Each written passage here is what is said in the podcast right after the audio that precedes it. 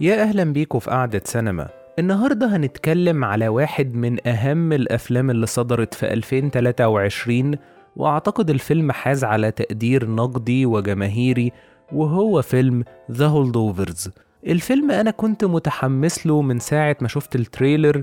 أول ما شفته كانت الأجواء لطيفة وشدني بس بصراحة اللي حسم الموقف ودخله ال watch list بتاعتي بمنتهى السهولة هو اسم ألكسندر بين اللي كان في آخر ال trailer وفي رأيي ألكسندر بين واحد من أهم المخرجين اللي موجودين دلوقتي وأفلامه ليها طابع خاص جدا وأنا بصراحة بتحمس إن أنا أشوفها جدا. واتكلمنا عن فيلم The Descendants في الحلقة رقم 19 واحدة من الحلقات اللي حقيقي بحبها. وخلينا نبدأ نتكلم عن فيلمنا اللي من تأليف ديفيد هيمينغسون وبيجتمع فيه بين للمرة التانية مع بول جياماتي بعد الفيلم الجميل اللي عملوه Sideways وبالإضافة لوجود ديفاين جوي راندولف ودومينيك سيسا. وقبل ما نتعمق في تفاصيل الفيلم خلونا نفتكر مع بعض حكاية فيلمنا. الفيلم اللي بتدور أحداثه في بداية السبعينات تحديدا نهاية سنة سبعين داخل واحدة من أعرق المدارس بيحكي عن بول المدرس الغير محبوب من الجميع اللي بيقع عليه الاختيار علشان يفضل مع الطلاب اللي مش هيقدروا يرجعوا يقضوا أجازة الكريسماس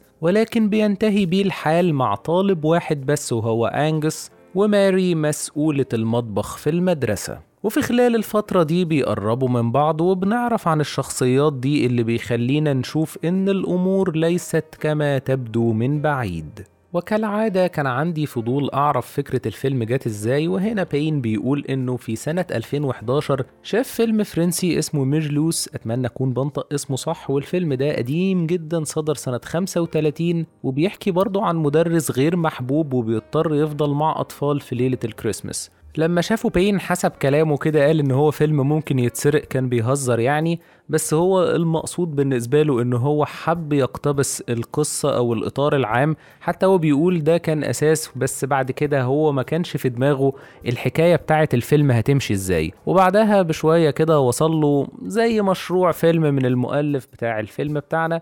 وبتدور أحداثه داخل مدرسة بيروحها الطلاب اللي أهاليهم أغنياء واتفقوا إن هم هيشتغلوا على الفيلم المبني على فكرة بين.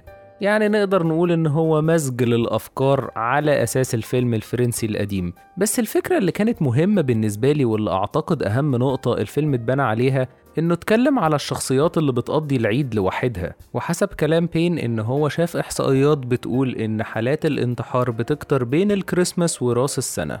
زي ما قلت الفيلم أحداثه بتدور في السبعينات وكان لازم الحقبة تبقى قديمة شوية علشان في أمريكا دلوقتي ما عادش فيه مدارس ولاد بس. بس حسيت إن هو بيقدم تحية أو رسالة حب الأفلام السبعينات من أول ثانية في الفيلم. يعني تتر البداية لما بنشوف أسامي شركات الإنتاج هنلاقيها مكتوبة ب style أفلام السبعينات. والحقيقة الفيلم قدم صورة تشبه أفلام السبعينات من حيث الشكل وال style وفي رأيي الشخصيات كمان كانت بتحمل قدر كبير جدا من التأثر بال style بتاع كتابة الشخصيات في أفلام السبعينات اللي لما فكرت لقيت إن أكتر حاجة كانت بتميز أفلام الحقبة دي كانت الشخصيات والبروفايلات بتاعتها. وكالعادة الفيلم ده بيحمل طابع معظم أفلام ألكسندر بين اللي في رأيي ليها خصوصية شوية. يعني بنلاقي المكان اللي بتدور فيه الأحداث ليه خصوصية أو طابع بيكون مؤثر في حياة الشخصيات وسير الأحداث.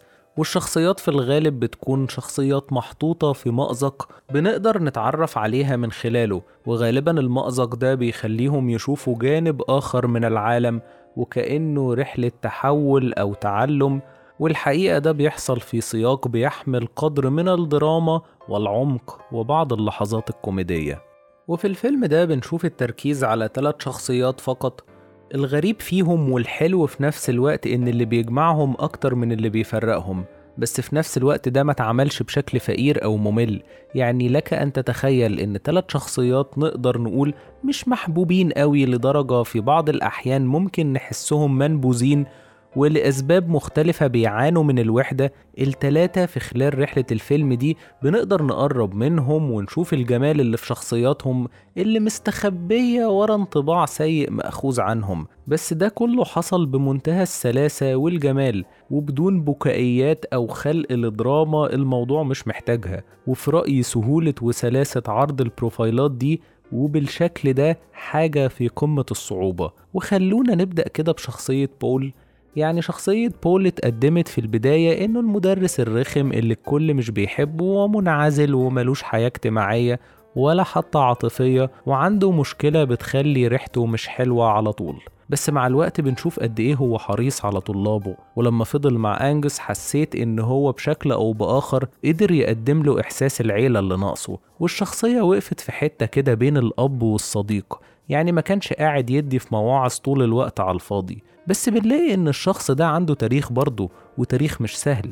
يعني اترفد من واحدة من أعرق الجامعات علشان واحد غش منه وقال إن هو اللي غاشش فأمبول خبطه بعربية. عجبتني جدا حكاية إنه مظلوم بس مش منكسر وده يمكن خلى شغله في المدرسة دي بدون شهادة جامعية ملاذ آمن ليه ويمكن الوظيفة دي هي كل وأهم ما يملك. بس بنشوف إزاي في الآخر بيضحي بالوظيفة دي علشان ينقذ مستقبل أنجس ويترفد هو من المدرسة والحقيقة كان مشهد وداعهم مؤثر جدا. وبصراحة أداء بول جياماتي مش مبالغة ممتاز جدا وفي رأيي جياماتي يستحق تقدير أكتر من كده بكتير وبطولة أعمال سينمائية أكبر وأشهر لأن بعيدا عن الفيلم ده بحس معظم الحاجات اللي بيقوم ببطولتها بتكون مش مشهورة أو مش بيحصل لها دعاية كافية ويمكن نقدر نقول إن هو محقق نجاحات كويسة في التلفزيون أكتر. ورغم إن هو ممثل جامد وبيشتغل نقدر نقول مش قليل بس محدش بيراهن عليه قد بين وزي ما قلت ده حصل قبل كده في Sideways اللي نقدر نقول إن إحنا ممكن نستنى حلقة عنه قريبا.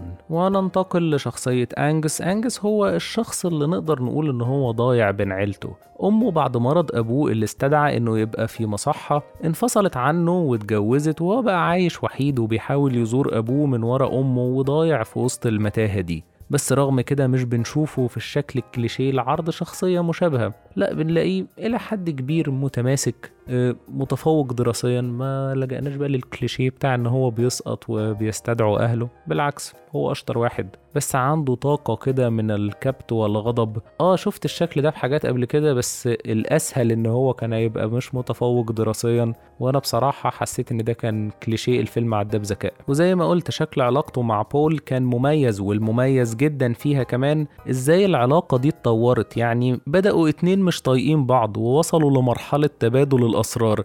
يعني هنلاقيهم تبادلوا سر وضع أبو أنجس وعدم تخرج بول من الجامعة. وطبعا بنختم بالتضحية الكبيرة بتاعة بول. بس الملفت بالنسبة لي في شخصية أنجس هو إن دومينيك سيسا اللي مثلها أول مرة يمثل في فيلم سينما.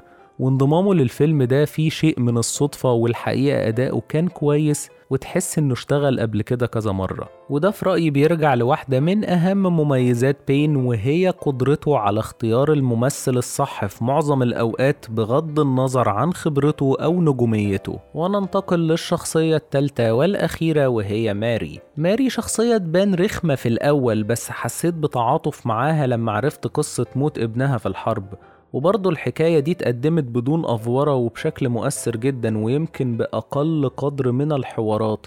يعني وهي بتبص في الحاجات بتاعت ابنها بالصدفة مثلا بنحس إن الوضع فعلا مؤثر. وعلى قد ما هي طريقتها مش ألطف حاجة بس بنشوف تعاطفها مع أنجس اللي الحقيقة أنا مش عارف هل كان من باب إنه بيفكرها بابنها ولا من باب الطيبة. والجميل في رأيي إن الفيلم مهتمش يقول السبب ويمكن دي أول مرة استلطف ديفاين جوي راندولف لأن شفتها في مسلسل Only Murders in the Building ما كانتش أظرف حاجة بالنسبة لي رغم إن الحقيقة بستظرف المسلسل وشفت منه موسمين لحد دلوقتي. بس الملفت كمان في رأيي إنها مش كبيرة في السن لدرجة إنها تبقى أم الشاب زي اللي مات في القصة بس اختيارها حقيقي كان موفق. وبجانب الشخصيات أقدر أقول إن من نقاط القوة في الفيلم بالنسبة لي هي الحوارات البسيطة واللي فيها معنى وهنا كان كمان في قدرة على مزج تشبيهات أدبية وتاريخية بمنتهى البساطة مع كلام بسيط جدا علشان نطلع بمعنى عميق وبدون أي فزلكة. وأكتر لقطة حسيت فيها كده هي المشهد اللي جمع بين بول وأنجس بعد زيارته لأبوه واللي اتكلموا إن هو مش أبوه وإزاي ماضي الإنسان مش لازم يحكمه. وهنا انتقد بول تشبيه أو مقولة من الأدب اليوناني بتقول إن الخطوات اللي بتحاول تبعد فيها عن مصيرك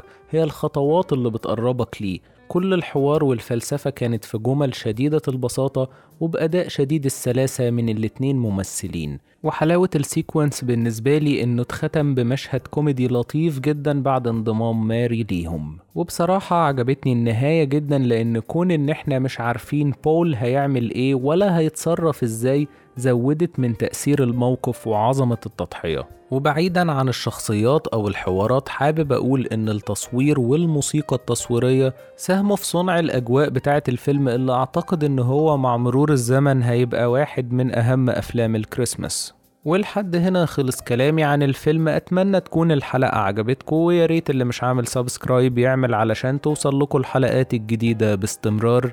ونتقابل الحلقة الجاية. مع السلامة.